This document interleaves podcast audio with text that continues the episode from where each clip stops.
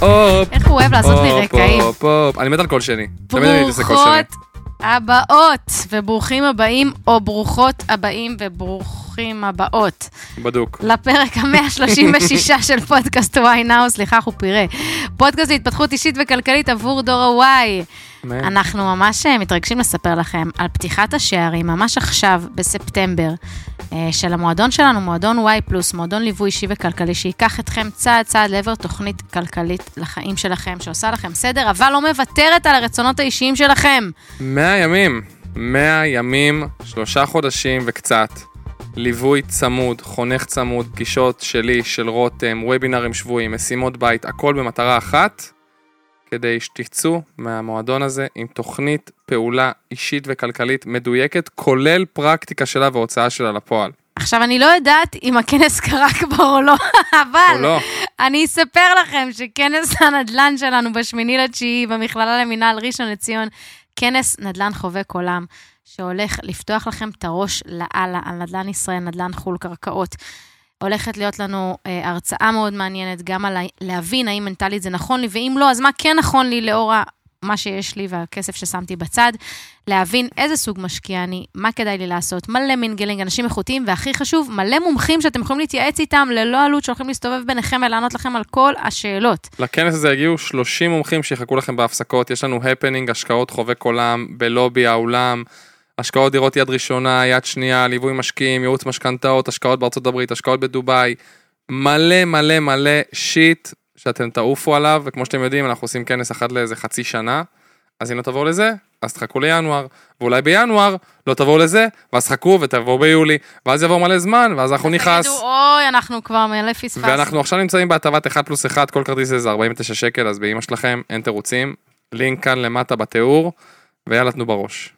אז בפרק הזה אנחנו הולכים לראיין את תומר יהודיאן, שתכף הולך להציג את עצמו ולספר לנו מי הוא. אבל לפני הכל, חשוב שתכירו את דני גל, האיש באולפן שגורם לנו להרגיש בנוח כאן באולפן, דניאל גל, המפיק שלנו. אתה יודע שהצגתי אותך כאילו אתה עולה עכשיו לבמה.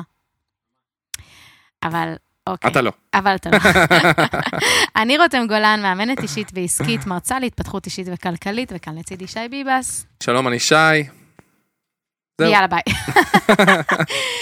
טוב, אז כאן איתנו תומר יהודיין, בן 31, יזם ומרצה לתחום ה sportech והחדשנות במגוון קורסים ומוסדות אקדמיה, ביניהם מלא אוניברסיטאות שאתם מכירים. ובחמש שנים האחרונות תומר הוביל את הפעילות של קבוצת החדשנות בספורט קולוסיאום, והיה אחראי לעשרות אירועים גדולים וקטנים שעזרו לבסס את ישראל כ sportech nation. אז אנחנו רוצים לשמוע קצת ממך. אה, מי אתה? ספר לנו קצת על עצמך, ואיזה כיף שאתה איתנו. אז אה, שלום לכולם, ובאמת אה, כיף להיות פה. בוא נגיד שרוב מה שאני עושה זה מסביב למה שאני אוהב, שזה ספורט. אז כל העשייה שלי, בעיקר בשנים האחרונות, מתרכזת בעולמות הספורט מכיוונים שונים, ובסופו של דבר, אחד הדברים שהכי מרגשים אותי זה לעזור לאנשים למצות את עצמם ולשפר את הביצועים גם על המגרש, בעיקר ספורטאים, וגם מחוץ למגרש. אז אנחנו, אני אגיד, אני אעשה גילוי נאות. ואני אגיד שגם בן זוגי שיחיה, דניאל מקדאוול, אה, מאולפן ליגת האלופות, מאוד אוהב את עולם הספורט. ואני קצת יודעת, באמת מפתיע. מפתיע, לא ידענו. אני קצת יודעת שבעולם הספורט זה קשוח מאוד לייצר נישה ברורה, שהיא באמת מייצרת עבורך גם משהו שהוא ססטיינבילי, שאתה יכול להחזיק אותו לאורך זמן, כי אני קצת מכירה את התחום אה, מדניאל ויודעת שלא לא פשוט שם. אה, אז אני ממש הייתי רוצה לשאול אותך קודם כל, איך הבנת בכלל שהתשוקה שלך זה ספורט? קודם כל. לך אחורה בזמן, כי אחת השאלות הכי קשות של הדור שלנו, זה הגשמה, זה להבין מה עושה לי את זה, איך יודעים. אז מה קרה לך שם? נראה לי שרוב הילדים שמשחקים עם כדור, יש להם איזה חלום רחוק להיות אה, לבון ג'יימס או מסי, וככל שהם גדלים הם מבינים שכנראה הם לא יהיו, חלקם הופכים לספורטאים עד גיל 16, 17, 18 צבא, חלקם גם אחר כך, ורובנו, פשוט זה נשאר כ- כתחביב. ואחרי שהשתחררתי, היה מונדיאל בשנת 2014 בברזיל, כשבאותה תקופה אמרתי, זה לא דבר שקורה כל יום, עבדתי ככה חצי שנה מהר, אה, במלצרות, בירושלים, ואמרתי, אוקיי, אני טס למונדיאל, ונראה מה הם משם. ואחרי שהייתי במונדיאל וראיתי שם חמישה משחקים, חזרתי לארץ אחרי חצי שנה ואמרתי, אין סיכוי שאני לא מתעסק בספורט כמשהו שהוא פול טיים. עכשיו, כבר באותה תקופה הייתי שופט כדורסל, מגיל 16, והבנתי שאני רוצה לקחת את זה שלב אחד מעבר. אה, באותה תקופה אתה חוזר בגיל 22-23, הורים לוחצים אליך, ריבים עם אבא. ללמוד, חייב. לך תעשה לימודים. אבא עזוב אותי, אני פותח בר במחנה יהודה, ירושלים. אוי ואבוי. לא, מה פתאום, ריבים, בסוף בכלל דוד שלי שמהנדס באינטל אומר לי, תקשיב, איזה כיף זה לימודים, הייתי הולך לסיני, כל סמסטר, מלא חברים. פתאום שינה את הגישה, אמרתי, יאללה, אני הולך ללמוד, אבל משהו שאני אוהב. באותה שנה נפתח באוניברסיטת בן גוריון תואר בניהול עסקי ספורט. שנתיים אחרי שסיימתי גם הפכתי להיות מרצה שם, אבל אז זה הרגיש לי, אוקיי, ניהול זה מעניין, ספורט אני אוהב, הלכתי לזה, ומאותו רגע באמת אה, ככה התחלתי את הדרך המקצועית שלי. מה קורה ברגע שאתה אומר, אני רוצה לבחור לעצמי נישה? אני רגע אגיד, מי שלא ספורטאי בישראל, עזוב שגם בתוך זה יש את אלה שבאמת, זה צל"ש או טר"ש, כאילו, או שאתה מיליונר, או שאתה מדשדש אה, בעצם שנים רבות בקריירה. מה גורם לך להגיד, אוקיי, אני מתעסק בניהול עסקי ספורט, אתה מבין, ש... בשלב הזה אני משערת שאתה מבין שזה תחום לא פשוט. אה, צריך להגיד את האמת שגם אין בו הרבה כסף. אה, מה גורם לך להגיד, אני, אני בכוונה מתעקשת על זה, כי הרבה מגיעים אלינו עם השאלות האלו, של מה עושים, אני יודעת שהייטק זה הרבה, אבל לא בא לי הייטק, אז מה אני יכולה לעשות עכשיו, ואני לא יודעת לאן ללכת. מה גורם לך להגיד, אני ממשיך בדרך הזו? אני חושב שיש פה שילוב של שני תהליכים שקורים במקביל, הראשון זה חקירה פנימית והשני זה חקירה חיצונית. כשהחקירה הפנימית היא באמת מי אני ובמה אני טוב ומה אני אוהב לעשות, ועוד הרבה שאלות שאפשר לשאול את עצמי, וכשאני מסתכל על החקירה החיצונית, אני שואל, אוקיי, באיזה תעשייה אני, איזה הזדמנויות כרגע נמצאות, איפה אני חושב שאני גם יכול אה, להשקיע את האנרגיה שלי במקום שגם יפרנס אותי.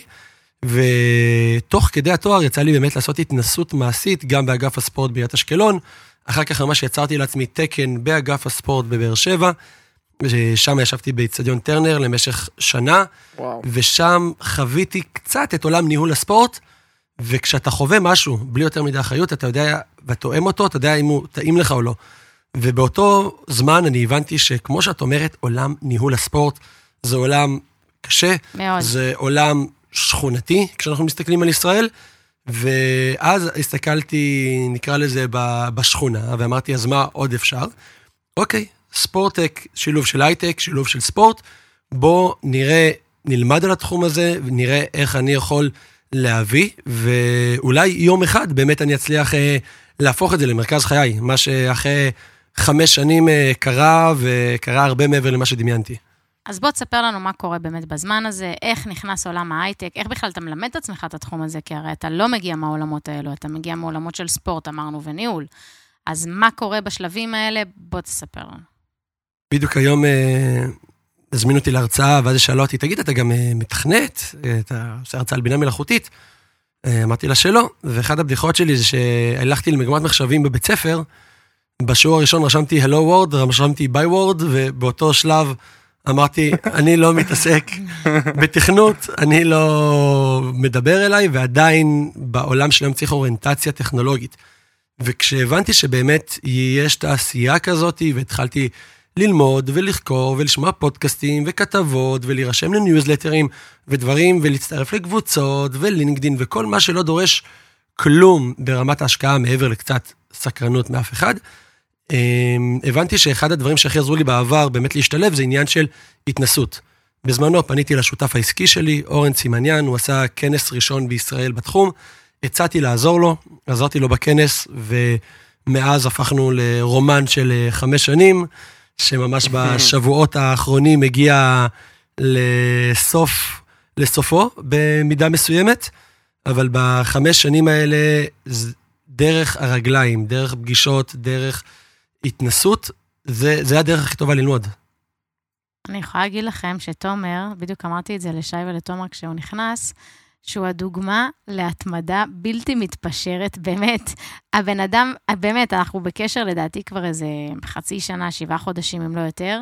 הוא אומר לי כל פעם, יאללה, רותם, אני שומע את הפרקים, אני אוהב את הסגנון, זה יאללה, אני רוצה לבוא, אני רוצה לספר, כי אני בדיוק הדור הזה, אני בדיוק הגם וגם הזה, אני בדיוק זה שמנסה ו- ונופל וטועה, ו- ואני רוצה לספר את הסיפור.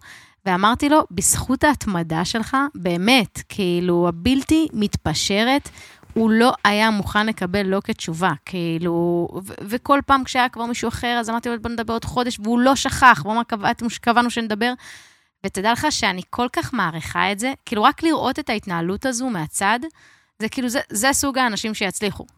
כי רק רואים את זה מהצד ומבינים שזה עובד, והייתי רוצה לשאול אותך, מה, מה גורם לך להתמיד היום בדרך הזו, שברור לי שהיא לא פשוטה, ורק כדי שיבינו, אני חוזרת על זה ואומרת שזה לא פשוט, כי זה באמת לא כמו ללכת להיות שכיר באיזה חברה שאתה יודע שבסוף יש לך איזשהו ג'קפוט ואתה יודע לאן אתה הולך וכמה המקצוע הזה מרוויח, אתה באמת הולך ובונה את עצמך צעד צעד ומבין שהכל יכול לקרוס כמו מגדל קלפים ושזה כאילו לא באמת אה, משהו כמו, אתה יודע, קריירת ספורט או דברים כאלה, ממש להמציא את עצמך מחדש כל פעם.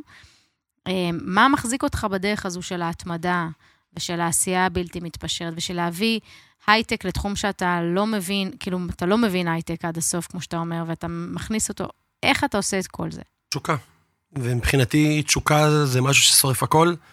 כמות הלילות שהכנתי הרצאות ליום המחרת, או לפני הכנס שהרצנו אותו כבר שש פעמים, כנס של אלפיים אנשים בבלומפילד, השבועות העמוסים שלפני, עם החבר'ה מפיפ"א ועם ברצלונה שמגיעים, והתוכן שצריך להיות, ועד לרזולוציה לפעמים של אה, עבודות כביכול הכי שחורות שצריכות להיעשות, ושאתה בחברה של שלושה אנשים, אתה זה שצריך אה, לעשות אותם הרבה פעמים. וכל אותם באמת לילות לא, ללא שינה, ולחצים, ועומס, וזמן קורונה, עולים לזום כל הצוות בשבע בערב לסשן של שלוש-ארבע שעות. אני חושב שאם לא הייתי תשוקה לזה, אם לא הייתי מאמין בדבר הזה, אם לא באמת באמת בתוך ליבי הייתי מאמין שאני עושה פה משהו שהוא טוב, משהו שעם פוטנציאל, הייתי נשחק ממזמן. וגם אז זה לימוד, כי גם כשיש את התשוקה, אתה חייב לייצר את האיזונים, ואתה חייב להבין רגע איפה לשים את הגבולות, איך ליצור אותם, ובמה להתמקד. כי הרבה פעמים שאנחנו מאוד מרוכזים רק בעבודה, רק בעשייה, אנחנו שוכחים רגע את העולמות שמסביב, את הזוגיות, המשפחה, את הבריאות שלנו, וזה משהו שעם השנים, ונקרא לזה בדרך הקשה, למדתי שאני רוצה להתמקצע בו אפילו עוד יותר. אני חושב ש... יש פה שני דברים שנוגעים, שנגעו בי. אחד, הדבר הזה של האיזונים, בדיוק דיברנו פה גם בחוץ, שרותם אמרה לך, נראה לי אתה הרבה יותר מאוזן מאיתנו. ואנחנו מדברים על זה הרבה, ואנחנו מדברים על זה בפתיחות בפודקאסט, כי אנחנו באמת מאמינים ש... אתה יודע, אנחנו כמו כולם. יש לנו את השיט שלנו, כמו שלכל אחד אחר יש את הקטעים שלו. באמת אחד האתגרים הכי גדולים שלנו זה בדיוק הדבר הזה, זה לייצר את האיזון הזה.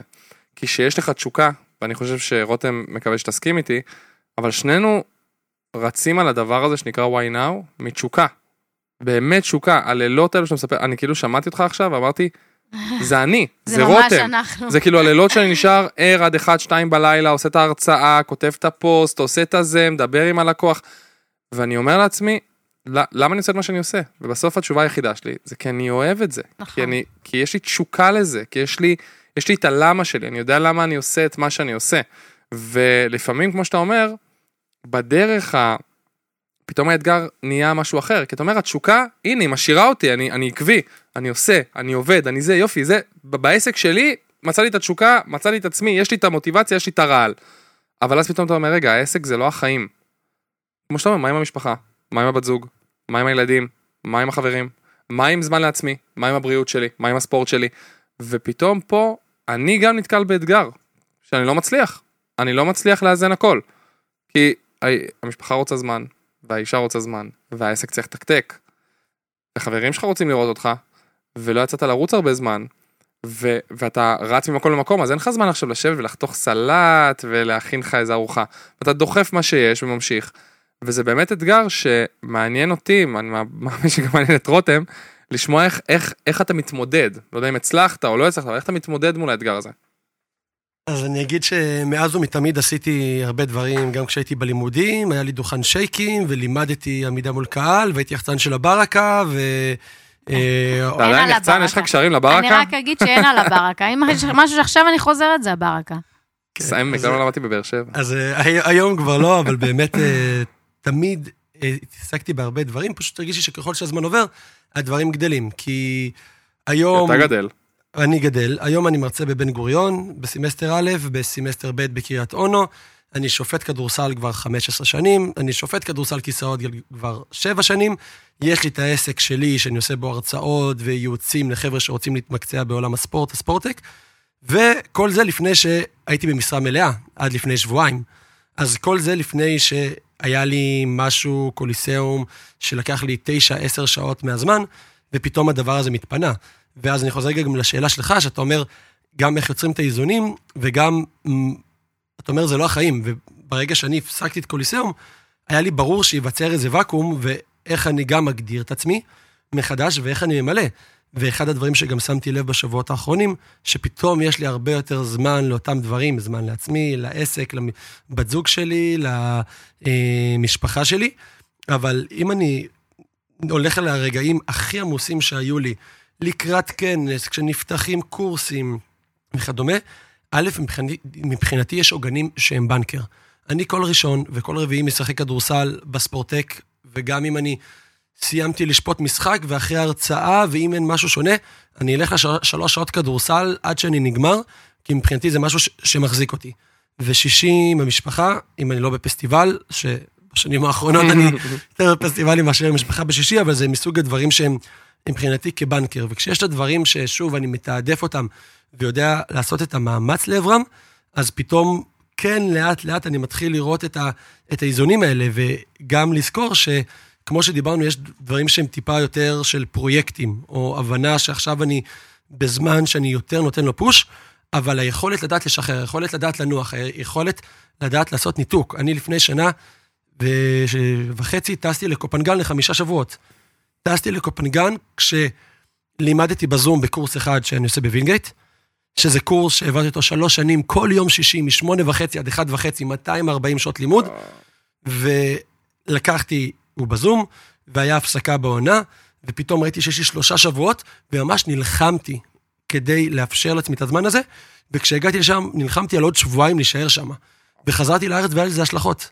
ולא הכי אהבו את זה בשיפוט כיסאות גלגלים, ולפעמים אם זה מול הבת זוג או מול המשפחה, אבל כשאתה בוחר בעצמך, אתה יודע שלפעמים אולי הסביבה לא הכי תקבל את זה, אבל זה כרגע מה שנכון כדי להמשיך, כדי למשאב את עצמך ולהמשיך בקצב אפילו מתגבר ולא ליצור את השחיקה הזאת. מה שאמרת פה זה בעצם המחירים. יש מחירים לשלם. ואמרת, הבנתי בדרך הקשה.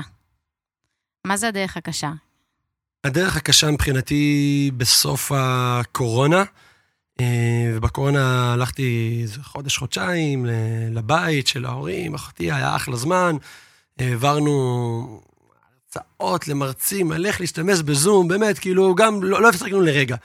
וכל הזמן היה משהו, אבל כשחזרתי לתל אביב, היום אני גר אה, ביפו, אז גרתי באבן גבירול נורדור, חזרתי לדירה קטנה, היה לי המון לחץ, היה סגרים, והיה לי שבועות לא פשוטים, לא פשוטים ברמה הנפשית, שהרגשתי שמשהו שם לא מאוזן ברמה הבריאותית, אה, עד שזה הגיע לשלב שחברים וקולות מהצד אמרו לי, אתה בסדר? ואז רגע הסתכלתי רגע על עצמי, והבנתי שמשהו לא מאוזן בחיים. אז יצאתי יותר לשמש, ועשיתי יותר ספורט, ונפגשתי יותר עם חברים, ולקחתי את העבודה יותר בקלילות, ו... נראה לי בפודקאסט של צעירים, אבל uh, הפסקתי לעשן וויד, והתחלתי לאכול יותר בריא, ופתאום, מבאמת שבועות הרבה יותר קשים, משהו נפתח, משהו השתחרר, ואז גם עברתי דירה. ואני מרגיש שהמון אנשים, כשהם מגיעים למקום כזה שהוא לא יציב ונמוך, אה, הרבה פעמים מנסים להסתמך על לעלות על ידי סולמות של אחרים ועל ידי תמיכה מהסביבה שלהם, ולפעמים לאו דווקא לתמיכה יש זמן או יכולת או ידע איך לעזור להם. והיכולת לקחת רגע אוטונומיה על עצמך ולהגיד, סבבה, אני כרגע באיזה תחתית, וכמו שאומרים שבמערבולת בים אתה צריך שנייה לפעמים לקבל, להרגיש את התחתית כדי לתת את הבעיטה ולעלות, זה אלה מקומות שאני מאוד מאמין בהם, שבסוף יש לנו כמעט את כל הכלים אה, להניע את עצמנו. והרבה פעמים אנחנו נשאבים ומתבוססים רגע בפחדים שלנו ובחוסר ודאות, ולפעמים זה האקט הזה שרגע לבוא ולעשות אותו פשוט. את יודעת לי מה, תמיד שאלה. אה, אני חייב לשאול רגע משהו שעלה לי. רותם, ברשותך, יאללה, ברשותך. מרשה. נכון, כאילו אמרת עכשיו, תשמע, היה לי את התקופה הזאת, וחברים שלי אמרו לי, תשמע, אתה, אתה בסדר? ואז הבנתי שמשהו לא בסדר עם עצמי, הסתכלתי במראה, אמרתי, טוב, אני צריך להתחיל להתאמן יותר, לעשות יותר. עכשיו, אני מנסה להבין שני דברים. אחד, איך זה קרה בפרקטיקה? זאת אומרת, הרי אתה בן אדם שעובד, עובד, עובד, עובד, עובד, עובד, עובד, אתה רגיל לעבודה, חייך הם לתת בראש. פתאום היו חברים שלך אומרים לך, אתה בסדר אחי? עכשיו, הדבר הראשון שלי עולה, כאילו אם עכשיו חברים שלי יבואו ויגידו לי, שי, אתה בסדר אחי? אני אגיד להם, אני בסדר, אני פשוט עובד על משהו ענקי, שאולי אתם לא עובדים עליו. זאת אומרת, אתם, חברים שלי נגיד, הם שכירים, עובדים 9 עד 6, לא שזה דבר רע, עובדים 9 עד 6 והם ממשיכים בחיים שלהם. אני עובד 9 עד 6, ורק אז מתחילה חגיגה, עד 2 בלילה. עכשיו, שהם באים ואומרים, עכשיו אני מדמיין את עצמי, אם הם היו, היו באים ואומרים לי דבר כזה, אחי, אתה בסדר? אני כאילו אומר לעצמי, לא יודע אם זה מקום להסתכל על עצמי, כי אני יודע מה אני עושה, אני לא רגיל כמו כולם, אני יש לי גם, אני גם שכיר, ויש לי גם עוד עסק מהצד, ואני מריץ אותו, ואני יודע שאני עושה דברים לא רגילים, של אנשים שהם לא, לאו דווקא רגילים, רוב האנשים שיש להם את העבודה האחת שלהם, ואז ישר הייתי אומר לעצמי, שי, את, אתה בסדר, אתה פשוט הולך בכיוון אחר, ולפעמים, אתה יודע, מדברים על ה-1%, על האנשים שהם ה-1%. מה זה אנשים של 1%? אתה קורא אוטוביוגרפיות של כל האנשים הכי גדולים בעולם. זה אנשים שהלכו בכיוון אחר ממה שהלכו כל, ה... כל העדר. ואז הדבר הזה, שבדיוק כשאמרת את זה, אמרתי לעצמי, אם היו אומרים לי את זה, הייתי אומר, הכל בסדר, וגם לא נראה לי שמשהו לא בסדר בעצמי, כי אני פשוט עושה משהו שאתם לא עושים. ומעניין אותי לדעת, איפה שהם אמרו לך את זה, אמרת לעצמך, וואלה, הגזמתי. או, ולא אמרת לעצמך, לא, אני פשוט עושה הרבה מאוד דברים, והם לא עושים אותם, וזה הגיוני כאילו איפה שאני נמצא. אני בסדר. זה בדיוק מה שבאתי לשאול. מה גרם לך להיות מוכן לשלם את המחיר של העצירה?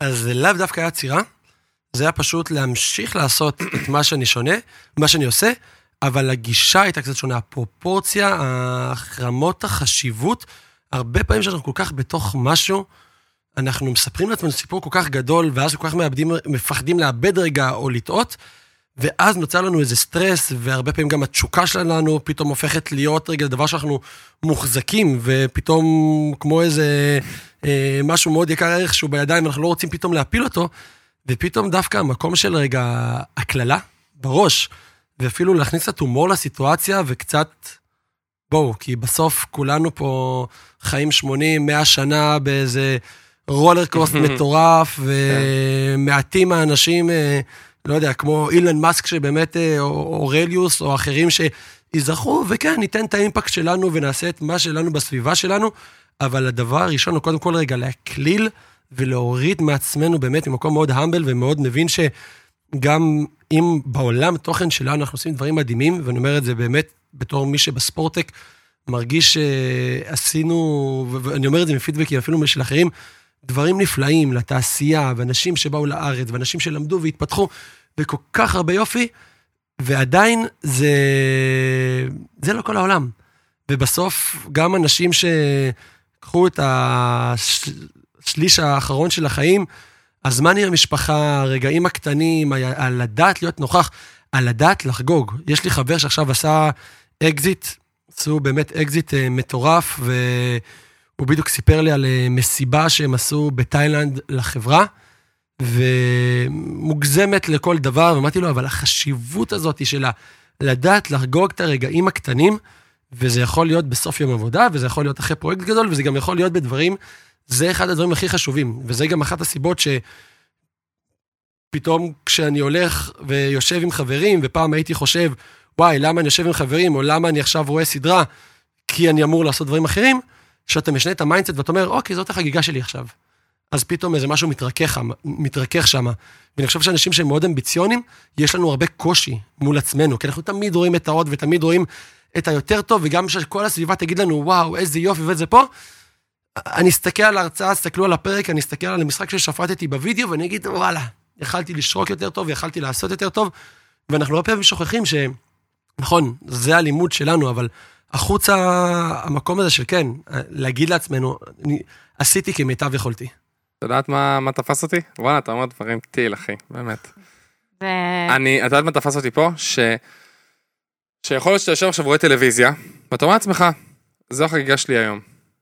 מדהים, באמת. זה נשמע לי טיל. ואז מה רוב האנשים יעשו? ייקחו את זה לקיצון. ושלוש שעות. עכשיו ישבו נגיד סתם שלוש שעות תראו טלוויזיה, פרק אחרי פרק בנטפליקס, ואז כל פעם יספרו לעצמם, טוב, זה החגיגה שלי, מה? מה, עבדתי קשה, אתמול קראתי את התחת, אחי. וואלה, עשיתי אחלה הרצאה אתמול, מגיע לי גם ארבע שעות, מגיע לי גם חמש שעות, ואז מגיע למחרת, ואני יושב ואומר לעצמי, טוב, מגיע לי הפרק הזה, וואלה, מה היום קשה. ואז עוד פרק, ואז עוד פרק. עכשיו, השאלה באמת שמעניינת אותי אני, יכול להיות מצב שזה, תגיד לי, תשמע, זה תלוי גם עולם של משמעת עצמית.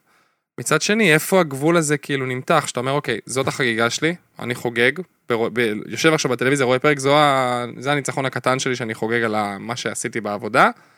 מתי אני אומר לעצמי, קאט, אחי, לך לעבוד או תמשיך בחיים, תירגע, ולא לוקח את זה כתירוץ כדי למשוך את זה עכשיו ולהיכנס למערבולת כזאת של אה, ערב שלם עכשיו בינג'. אה, אז זה קצת הופכים למה שאמרתי לפני זה, שצריך לייצר את העוגנים של החיים בתוך העבודה. Mm-hmm. אז אם בן אדם עכשיו עצמאי ולא משנה מה, איזה יצור אנרגטי הוא, אם הוא אישה ועכשיו הוא בווסת, או באמת כל אחד שמכיר עכשיו רגע את עצמו ואת האנרגיות שלו, אבל שאומר, אני עובד עכשיו חמש שעות ביום, או שבע שעות ביום, שכן יש לו את הבייס הזה, וממנו יוצא. אני יכול להגיד שבאופן אישי, אה, אני יודע שלרוב באמצע השבוע, אה, גם עכשיו, בחמש שנים האחרונות שעבדתי 9 to 6, ו-9 to 6 זה הרבה פעמים 9 to 7 to 8, וכל יום כמעט אני שופט בערב, מרצה, כלומר, הימים שלי היו מאוד עמוסים. אז מה שזה הוביל, שבאמצע השבוע פחות יש לי את הזמן לבירה עם חברים או סתם ישיבה. וכדי באמת לייצר איזון, בגלל שאני קיצון בצד אחד, אני צריך קיצון לצד שני.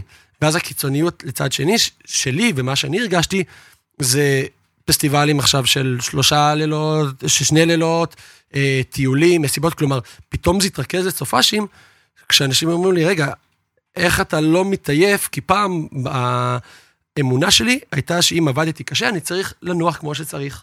כן. If you work hard, rest, והיה לי באמת סופאשים שהייתי מסיים את הקורס בווינגייט ביום שישי, הולך לטיול בפארק, חוזר, אולי איזה ארוחה, שבת ככה נמרחת, עוברת בסבבה בשבוע חדש. ובאמת בשנתיים האחרונות, והיום אני גם בזוגיות שאנחנו מאוד הרפתקנים מהבחינה הזאת, והיא גם מתעסקת בעולמות של אה, הפקות, אנחנו כמעט כל סופש, כל סופ"ש שני, לוקחים את האוטו, לפעמים לוקחים אוהל, יוצאים למסע, ואולי האנרגיה שלי באותו סופש, הלכתי ורקדתי ועשיתי הרבה דברים, היא לאו דווקא נחתי, אבל המצברים שלי, הרבה יותר התמלאו. אגב, אני גם אגיד על זה, ששאלת באמת איך יודעים מה האיזונים של אנשים אמביציוזים, שכאילו לא רוצים שבסוף פרק יעבור לעוד פרק ולעוד פרק. מה שתומר, מה שאתה נתת פה זה בעצם תרופה. אמרת, אני אשתמש בפרק או בפסטיבל, או כל אחד במה שעובד לו, רגע כפרס, כניחום. בדרך כלל אנשים אמביציוזים לא יראו בזה תירוץ. אתה יודע למה? כי הם יחזרו כבר לטבעי שלהם, שאומר להם, אני חייב ללכת לעבוד, אני חייב ללכת להמשיך. כלומר, הם לא הבעיה. אלה שממשיכים פרק ועוד פרק ועוד פרק, זה אלו שבעצם מתרצים לעצמם למה לא לקום לעבוד. זה בדרך כלל לא נופל באותה קטגוריה. מה שבעצם תומר מתאר פה זה דווקא אנשים שלא יוצא לנו לדבר עליהם הרבה, אני חייבת להגיד. אלה שבאמת הם work hard ועובדים קשה ומביאים כסף הביתה, ועובדים בשתי עבודות, ומביאים גם שכירים, גם עצמאים, ואנשים שהם באמת אה, באים לקרוע את התחת, ולא רק לקרוע את התחת במובן הרע, כי הרבה פעמים גם שואלים אותנו, אני בדיוק דיברתי על זה כשהיינו ב... לפני שנה, הייתי בערך דבש עם דניאל, ובעצם שאלו אותי, למה את עובדת בערך דבש? ואז אמרתי לשי, וגם העליתי על זה פוסט כזה משעשע, כי שאלתי את עצמי, האם את עובדת? זו שאלה טובה, כאילו, אתה אומר, הנה, אני עובד קשה, אבל זו שאלה, האם אתה עובד כשאתה עושה משהו שאתה מאוד אוהב? אם אני כותבת פוסט עכשיו על עצמי כי אני במוז... כאילו, עכשיו זה מתאים לי. כאילו, עכשיו בא לי לשתף משהו, או לעשות איזשהו סטורי, האם אני עובדת או לא עובדת. כלומר, זה משהו שבא לי מהלב, כנ"ל החבר'ה האלה שהם אמביציוזים, הם רואים שנייה פרק, להפך, הם צריכים להשקיט את עצמם שהם בסדר שהם רואים פרק. כן. בדרך כלל הם לא ילכו לקיצון השני של לראות אה, ארבעה-חמישה פרקים, אבל אה, כן, זה גם עוד דבר, כמו שאתה אומר אותו, אני יכולה לעבוד מאוד מאוד קשה מיום ראשון עד חמישי, וכן להרשות לעצמי שישי-שבת לעשות בינג'. כן להרשות לעצמי לראות פרק ועוד פרק ועוד פרק ועוד פרק, כי זה בדיוק האיזון, כמו הפסטיבלים לצורך העניין, שזה פתאום מאוד אינטנסיבי. אגב, זה אנשים שמאפיין אותם, שהם פרויקטליים, אנשים שאוהבים, זה מה ששאלתי אותך בחוץ, אם אתה אדם כזה, כי ראיתי את זה ישר. ישר שדיברת, אמרתי, אתה, אתה אדם פרויקטלי, אתה אוהב עצימות, עצימות, עצימות, ואז צד שני, כאילו, מנוחה, מנוחה, מנוחה, שנקרא לה, לא משנה, פסטיבל, או זמן שקט, או לא להכניס, אתה יודע, או דברים, נניח אתה מהאנשים שאוהבים לעשות פגישות בחוץ, שכל פגישות יהיו בחוץ, ויום למחרת בבית. נניח, נכון? הנה, בבקשה. בבקשה, כן, הוא כן. מחייך. רותם, ו... סליחה, אני טובה. מה אני אוהב? אני טובה. בזה. איזה צבע אהוב עליי? אתה אוהב לא לנשום.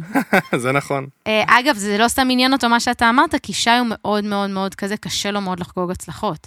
קשה לו מאוד להגיד לעצמו כל הכבוד, לטפוח על השכם ולהגיד זה מספיק. כאילו לפעמים להגיד זה מספיק, מה שעשיתי עד עכשיו זה מספיק טוב, ואני לא צריך לרדוף אחרי שלמות, או אחרי פרפקציוניזם, או אחרי הזמן, כי בעצם מה שקורה לאורך זמן, אנחנו נהיים ממורמרים בחיים של עצמנו, וכשאנחנו מתרגלים לזה, זה עוד יותר חמור, כי אז אנחנו מספרים לעצמנו שככה אמורים לחיות, שככה אנשים מצליחים חיים, הם ממורמרים, מתוסכלים, ועובדים מאוד מאוד קשה כדי שבסוף זה ישתלם. דיברתי לפני זה על העניין האנרגטי, ובדיוק אה, פגעת פה, קראת אותי יפה מאוד, ואחד הדברים שאני מאוד מאמין בהם זה התפתחות אישית למטרת התפתחות מקצועית. כלומר, ברגע שאני הולך לסדנאות, למקומות שמפתחים אותי, לאו דווקא בעולם התוכן שלי, כמרצה, יועץ או whatever, אני מרגיש הרבה פעמים שאני משפר את התקשורת שלי, ה- נקרא לזה ביטוי, יגיע כבר שם. ואחד העולמות שאני, יצא לי באמת לחקור קצת בשנתיים האחרונות, אה, לא יודע אם יצא לכם לדבר על זה, עולמות של Human Design, מה שנקרא עיצוב האנושי, סוג של אה, משהו דומה קצת לעולם האסטרולוגיה. אה, אתה שם את התאריך לידה שלך ויוצא לך מפה ואיזה סוג אתה, ואתה אחרי זה קצת יכול לקרוא ולחקור. אני מסוג מניפסטור, שזה 8% באוכלוסייה. וכשאני שמעתי על זה בפעם הראשונה, זה היה עם בת זוג שלי באחד השבועות הראשונים שלנו, ישבתי עם דמעות, כי כששמענו מה הסוג, אמרתי, בואנה, זה אני. ואחד הדברים שמאפיין, אנחנו מאוד טובים בליצור דברים, אני פחות טוב בלשמור אותו לאורך זמן. בואו עכשיו נרים פה פרויקט כולנו ביחד, ואני יבוא ויעשה, אבל תגידי לי עכשיו פעם ראשונה, שנייה, לעשות אותו, וזה גם אולי אחת הסיבות שעזבתי את קולוסיאום אחרי חמש שנים שהרגשתי של רפטיטיביות, ויש עניין של energy cycle. ואם אני מבין את ה energy cycle שלי, שעכשיו אני בחודש ימות העולם, יש לי ימים של באמת 4-5 שעות שינה, חברים שלי יש להם בדיחה עליי, יום חמישי, ישיבה, שלוש בלילה, ותומר אומר, יש לי מחר וינגייט בשבע בבוקר, ואני גם הולך ואני עושה את זה הרבה פעמים. אבל המקום הזה של סבבה, הבנתי שעכשיו grind, ועכשיו מנוחה. עכשיו, מה לעשות שאתה שכיר, או כשאתה התחייבת לעצמך, כמו שאת אמרת, אני אהיה שישי שבת במנוחה, יגיע יום ראשון, 12 בצהריים, אם לא התחלתי את היום שלך, משהו שם יצבוט, כי יש לנו drive. ואני ממש בשבועיים האחרונים, מבחינתי זה הזוי, אמ, בגלל שסיימתי את העבודה, פתאום שמתי לב שאני מתחיל לחזור למלא אנשים, והרצאות, וממש כאילו אני עובד, לא בחברה, אבל פשוט בשביל עצמי, ואז אמרתי, רגע, אני צריך ללמוד לנוח, אני צריך ללמוד להוריד הילוך. ביום שבת אמרנו נלך, היה מטר מטאורים, אמרנו נלך לראות מטאורים, ואני אומר לנועם, בת זוג שלי, רגע, אבל שבת, מה, מחר ראשון? אמרת לי, כן, ו... לא, איך ניסע? היא אומרת לי, כן, אבל יש לך משהו? אמרתי לה, בגדול לא, אבל ממש לקח לי זמן.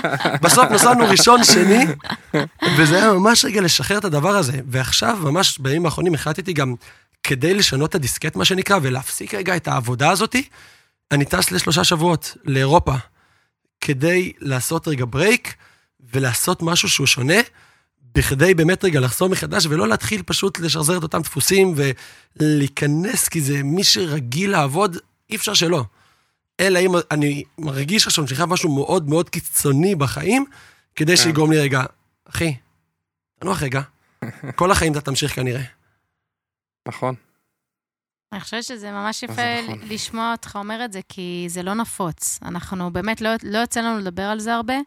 אה, כן, אנחנו מדברים על איך לייצר משמעת עצמית, ופוקוס, ומיקוד, וקבלת החלטות, ותוכנית ברורה לחיים, כי מרבית האנשים, אתה יודע, מסתובבים בכאוס. כאילו, גם אנחנו, כל הזמן אנחנו עושים אדפטציות ל... איפה רצינו להיות, לאן אנחנו רוצים להגיע, מה צריך לעשות כדי להגיע לשם, כל הזמן, כי אתה כל הזמן באיזשהו מסע.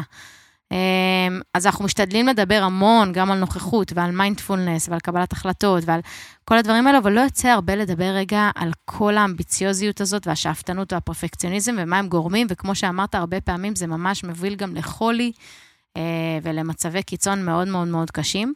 אז אה, אני רוצה לשאול אותך ככה לקראת סיום, איך הצלחת אה, ואיך אתה מצליח, ומה הטיפ שלך, כי נתת פה טיפים מצוינים. אה, בכלל, על איך להסתכל על דברים, על שינוי פרדיגמות, על תפיסות, על אה, גישה חדשה שאפשר לאמץ, על אה, לגבי פרס ותגמולים קטנים. אגב, אתם לא יודעים את זה, למרות ששי בדרך כלל יודע מלא דברים עליי, אבל אני החלטתי שהפרס שלי מחר זה בוקר פנקקים. אז היום... ב... פגישה מחר. לא אכפת לי. תביא את מה שנשאר. אז מחר בבוקר, זה בוקר פנקקים, שזה דבר שאני אף פעם לא עושה לעצמי. הבוקר שלי הוא כאילו, נותנת לעצמי את הזמן בבוקר, שותה את הקפה בחוץ, כאילו, תמיד אני כזה ב, כבר ב, בלחצים או בפגישה הראשונה כבר של הקפה, אז נכון, יש לי תמיד את הזמן לעצמי בבוקר, למקלחת וזה שעושה לי טוב ורוגע, אבל אני אף פעם לא אפנק את עצמי, אתם יודעים, באיזה אוכל או משהו כזה. אני אתחיל את היום אחר, כאילו אחר כך. אה, אז סתם, זה גם עוד משהו קטן שאמרתי, מגיע לי לעשות איזשהו בוקר פנקקים כיפי עם מייפל, בטח כולם עכשיו כזה, יואו, זה מעצבנת, בא לי עכשיו פנקק. אבל, אה, אבל כן, זה הדברים הקטנים ש, של להסתכל על זה פשוט אחרת. כאילו, הקטנים והגדולים, זה לא חייב להיות טיסה של כן. שבוע, וזה לא צריך להיות כרוך במיליון כספים. אני תמיד מסבירה את זה, שאנשים אומרים לי, מה, אז איך את עושה? לפעמים לא צריך מלא כסף, לפעמים אפשר גם לעשות סתם מסאז' ברגליים בבית, כאילו, בין בת הזוג. שקיעה.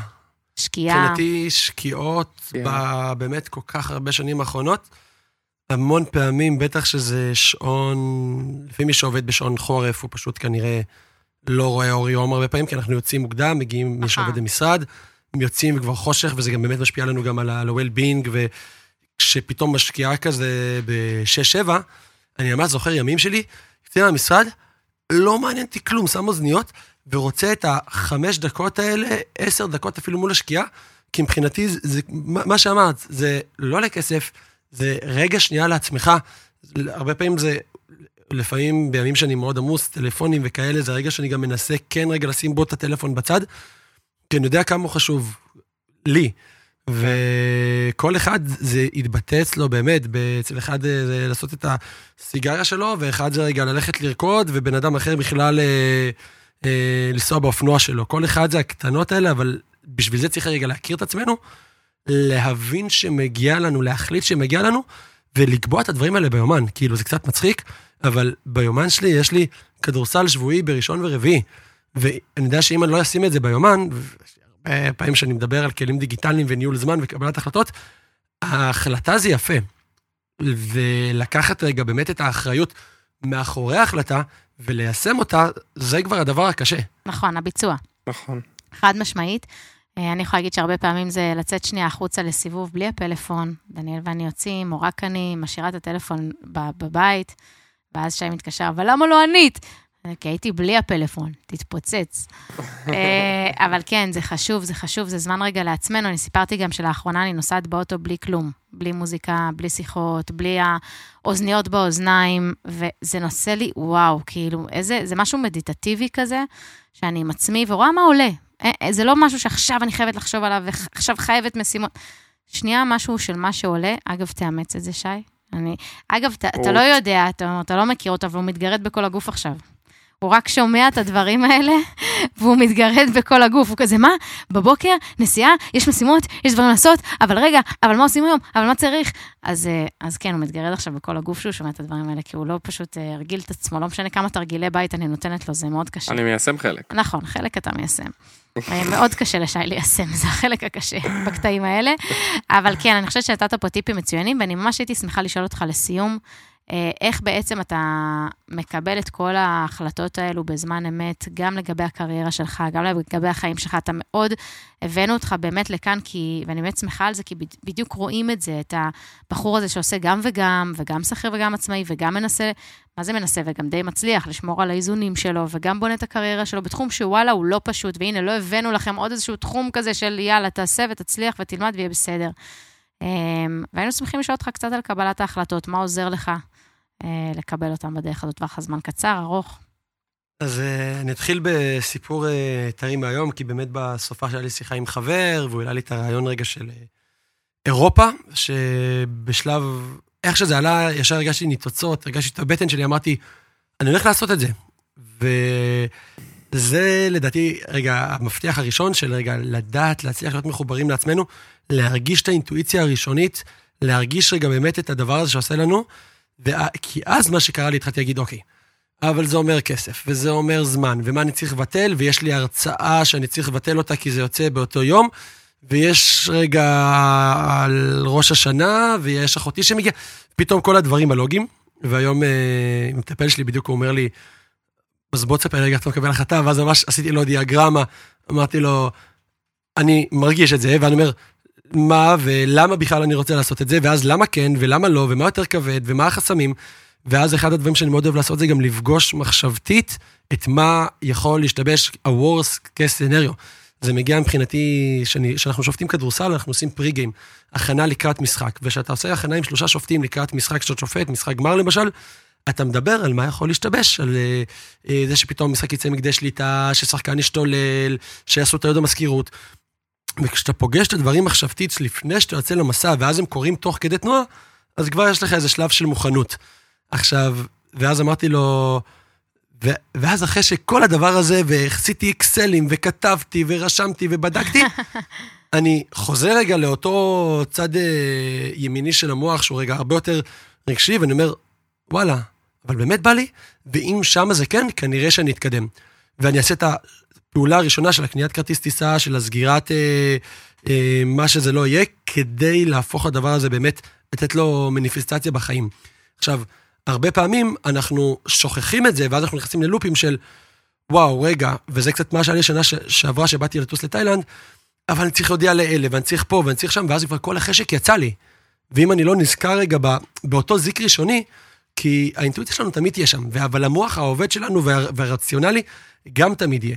אז היכולת באמת רגע לשלב בין שתי המערכות, ואם אני מסתכל רגע בזמן אמת, ובאמת אה, טווח ארוך, אתם אה, נראה לי קטונתי, כי אתם מדברים פה עם משקיעים ואנשים שבאמת אה, רואים טרנדים ומשקיעים, ובאמת אשריכם ואשרם. אבל בזמן קצר, כשאתה שופט כדורסל ואתה עכשיו בעשר שניות לסיום, ושחקן עולה לסל ושחקן עכשיו נותן לו מכה על היד, ואתה צריך לקלוט את המהלך, להבין האם הייתה עבירה, לא הייתה עבירה, להסתכל על השני השופטים האחרים, לראות אם הם הגיבו, ובמידה וכן, לתת שריקה, בידיעה שאותה שריקה יכולה לגרום מי מנצח את המשחק, אולי תקציבים, אולי קבוצה יורדת ליגה, כל כך הרבה השלכות, ללכת לסמן את השריקה הזאת, ועוד לפעמים גם להמשיך אחר כך, בידיעה שעשית טעות. והיכולת שלנו לקבל החלטות בהבנה שאנחנו יכולים לעשות טעויות, ולא להיגרר לאותן טעויות, אלא להבין שאני בטסט שלי, עבדתי טסט ראשון, אבל הוא נתן לי, נגע לי טיפה בהגה, ואז נכבה לי האוטו, ואז הוא נגע לי בהגה, בהגה, ואז הוא טיפה עשה לי ברקס. עכשיו, כל הדברים האלה קרו בשתי דקות. טעות שהובילה לטעות, שהובילה לטעות, איכשהו עברתי. אבל הרבה פעמים בחיים אנחנו נותנים רגע לטעות ואנחנו בפוקוס עליה.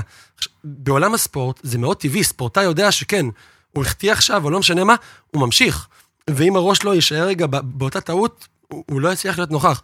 אז היכולת שלנו באמת בזמן אמת להרגיש שעשינו כמיטב יכולתנו, ו-sometimes life sucks, ואנחנו עושים טעויות וזה בסדר. אז עם ההבנה הזאת ועם היכולת הזאת, לחזור ובאמת לשאול את עצמנו כל הזמן למה, למה אני משקיע, למה אני טס, למה אני בוחר לעבוד פה, ולדעת גם מתי לשחרר. אני מבחינתי חמש שנים מפעל חיים, באמת 23 אלף אנשים בלינקדאין מכירים אותי בתומר של קוליסאום, ואני מספר לה, בשבועות האחרונים לאנשים שעזבתי והם בשוק טוטאלי, ואז הם אומרים לי, אבל זה טוב לך. כי גם אני יודע שאחרי חמש שנים, וגם השותף שלי אמר, קטן לך פה. ומבחינתי, להמשיך ולעבוד בקבוצה או בליגה בחו"ל, בצד של חדשנות, זה ממש לא מדע בדיוני, וכמות האפשרויות שפתאום נפתחות כשאנחנו משחררים משהו ונותנים למשהו להיכנס, אבל בהחלטות שלנו, המון אנשים מחליטים על להישאר ולהחזיק במשהו מהפחד ממה שיבוא, מהפחד מהחוסר ודאות. אז היכולת שלנו רגע לשחרר את הדבר, ממש להשיל אותו רגע מאיתנו, לחוות, והרבה פעמים זה עצב ואבל כשאתה מוציא משהו שהוא חלק גדול ממך, אבל אז להגיד וואו, ויש ואקום, ומשהו יכול להיכנס, ויש רוח, ויש תנועה, ובאמת ללכת אחרי הדברים שמושכים אותך בצורה אינטואיטיבית. כי גם אנשים היום שנכנסים לשלל המידע, ואינטרנט, וקורסים חינמים, overwhelming. אז תמצא את הדבר שעושה לך, וואלה. עוד לפני, איפה מרוויחים הכי הרבה, ומה אמרו לך דודה שלך. וואו, איזה מהמם. כפרה עליה. אני חייבת להגיד שזה היה ממש השראה. לגמרי. ממש השראה של לדעת לשחרר, ושנייה, עם כל זה שאתה עושה את הדברים האלו ואתה עובר דרך שהיא לא פשוטה ומאתגרת ומעניינת ומרגשת, ואתה אומר, אני בכל זאת עוזב, אה, ואני בכל זאת לומד לשחרר, משהו שמאוד קשה לשחרר אותו, שהוא חלק ממך, מהווייתך. אה, משהו שהקמת אה, יחד עם שותף, היית חלק כל כך אינטגרלי. אני חושבת שההבנה הזו שאתה אומר את זה וגם עושה את זה, זה ממש ממש מרשים, בטח בגיל כזה צעיר. והיינו רוצים לשאול אותך לסיום, מה הטיפ שלך לכל מי שמאזין, מאזינה? טיפ שהיית נותן לעצמך לפני שמונה, לפני תשע, לפני עשר שנים, שאתה אומר, וואלה, את זה הייתי רוצה שתיקחו. זה יישמע טיפה בנאלי, אה, אבל כשאני עושה פגישות ייעוץ לחבר'ה שרוצים להיכנס לתחום ה sports tech, אני מראה להם מגרש כדורסל ושואל אותם, איפה אתה? ולרוב הם מספרים לי, אה, אני רואה את עצמי עובד בתפקיד customer success בסטארט-אפ, או אני רואה את עצמי עכשיו מאמן. כלומר, הם מספרים לי על השלב הבא שלהם. והמון אנשים, כולל ספורטאים, לא מצליחים ב vision הראשוני לחשוב מאוד גבוה ומאוד רחוק. וכשאנחנו כן חושבים רחוק וגבוה ואפילו מוגזם, היכולת נפילה שלנו היא עדיין בטווח טוב. כלומר, בן אדם שאתה שואל אותו מה הוא רוצה להיות והוא יגיד לפתוח חנות פלאפל, כנראה שהוא יפתח חנות פלאפל. בן אדם אחר שיגיד אני רוצה להיות אה, רשת אה, חנויות הנוחות הכי גדולות באירופה, כנראה שלא להיות רשת החנויות הכי גדולות באירופה, אבל עדיין יהיה לו כמה וכמה סניפים. והיכולת שלנו באמת רגע לחשוב רחוק וגדול אה, וללכת אחרי הדבר הזה, כי יש לנו הערכת חסר לטווח הארוך. נכון. אנחנו לא באמת מבינים כמה יכולים לקרות, והערכת יתר לטווח הקצר. נכון. כי בטווח הקצר אנחנו רואים, דוגמה על עצמי, אה, בדוק, הנה, היום אמרתי, גם אני אשב על זה, וגם יש סדנה שאני עושה בסופש, וגם זה, וגם זה, ובדוק, ופתאום אתה אומר, אה, רגע, מה, חצי שעה נשאר, איך יכול להיות? אז באמת היכולת של רגע לחלום רחוק, אבל אז גם לדעת להביא את זה לקרקע. מהמם, איזה כיף. איזה כיף. נכון הבאתי לך מלח הארץ, שי? הבאת לי, רותם, תודה. טוב, חברים, אז uh, הגיע הזמן uh, לטיפ, לא? לפינת הטיפ. אז הטיפ היום, כמובן בחסות אלטשולר שחם, הטיפ היום הולך לדבר על איך שומרים על הזכויות הפנסיוניות בזמן חופשת לידה. רותם פה לצידנו, עוד מעט יולדת, מזל טוב, בשעה טובה, לא זוכר מה אומרים. בואו נדבר באמת על איך שומרים על הזכויות הפנסיוניות בזמן חופשת לידה. אז הטיפ הזה רלוונטי לכל ההורים הטריים שבינינו, וגם לאלו שבדרך.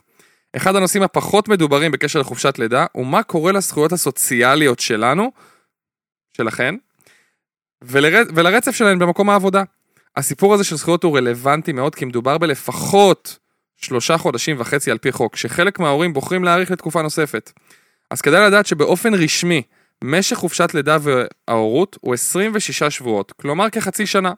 חלק מהתקופה הזאת היא בתשלום דמי לידה על ידי הביטוח הלאומי, שאיך הוא נקבע? הוא נקבע בגדול לפי התקופה שבה העובדת שילמה דמי ביטוח לאומי. ובתקופה הנותרת, אמנם לא מקבלים תשלום מהמעסיק או הביטוח הלאומי, אך הזכויות במקום העבודה נשמרות. לצורך העניין, הוותק, ההפרשות הפנסיוניות וזכויות נוספות, כמו דמי הבראה וימי חופשה וימי מחלה, נצברים בהתאם להוראות הדין. ומה קורה אם בוחרים, או אתן בוחרות, להאריך את חופשת הלידה מעבר ל-26 שבועות? אז לפחות לגבי הפנסיה, חשוב לוודא, וזה סופר סופר חשוב, שקיים כיסוי ביטוחי בקרן הפנסיה כדי לא לפגוע ברצף הזכויות והצבירה שלכם בקרן. את התשלום אתם מסדירים מול קרן הפנסיה באופן עצמאי, ולא דרך המעסיק, או מתוך החיסכון שנצבר בקרן הפנסיה, גם שם אתם יכולים להשתמש. כמובן שכדאי להתייעץ עם בעל רישיון פנסיוני, שמבין ויוכל לסייע לכם לעשות את כל ההתאמות האלו במקרה הצורך, וכמובן, חשוב לנו להדגיש שכל המידע שאמרנו כעת לא מחליף ייעוץ השקעות או שיווק פנסיוני שמתחשב בצרכים של כל וייניק ווייניקית. וחשוב לעשות את הבדיקות הנדרשות בטרם קבלת החלטה כלשהי בנוגע לחיסכון. כמובן שאין במידע התחייבות כלשהי להשגת תשואה, וכל הנאמר כפוף להוראות ההסדר התחיקתי ותקנון קרן הפנסיה. תומר, אנחנו מה זה שמחים שהיית כאן איתנו. ממש. אנחנו רוצים להגיד לך תודה מכל הלב. על שיתוף אמיתי וכנה, על טיפים מצוינים של לשחרר והשראה ומוטיבציה ואינטואיציה, ואיך להקשיב רגע אה, לקולות האלה ואיך אתה מקבל את ההחלטות, שזה היה גם כן מודל ממש אה, שכיף לשמוע אותו. ולכם אנחנו רוצים להגיד תודה. תודה שבחרתם להקדיש זמן לעצמכם ולהאזין לפודקאסט why now. תכירו את עצמכם, על זה שהחלטתם לפתח את עצמכם אישית וכלכלית.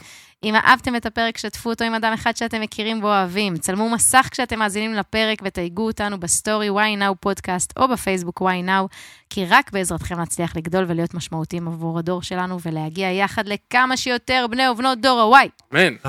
ותמיד זכרו, why now? כי אין זמן טוב מעכשיו להתקדם לעבר החיים שאתם באמת רוצים לעצמכם. ועכשיו, שיר.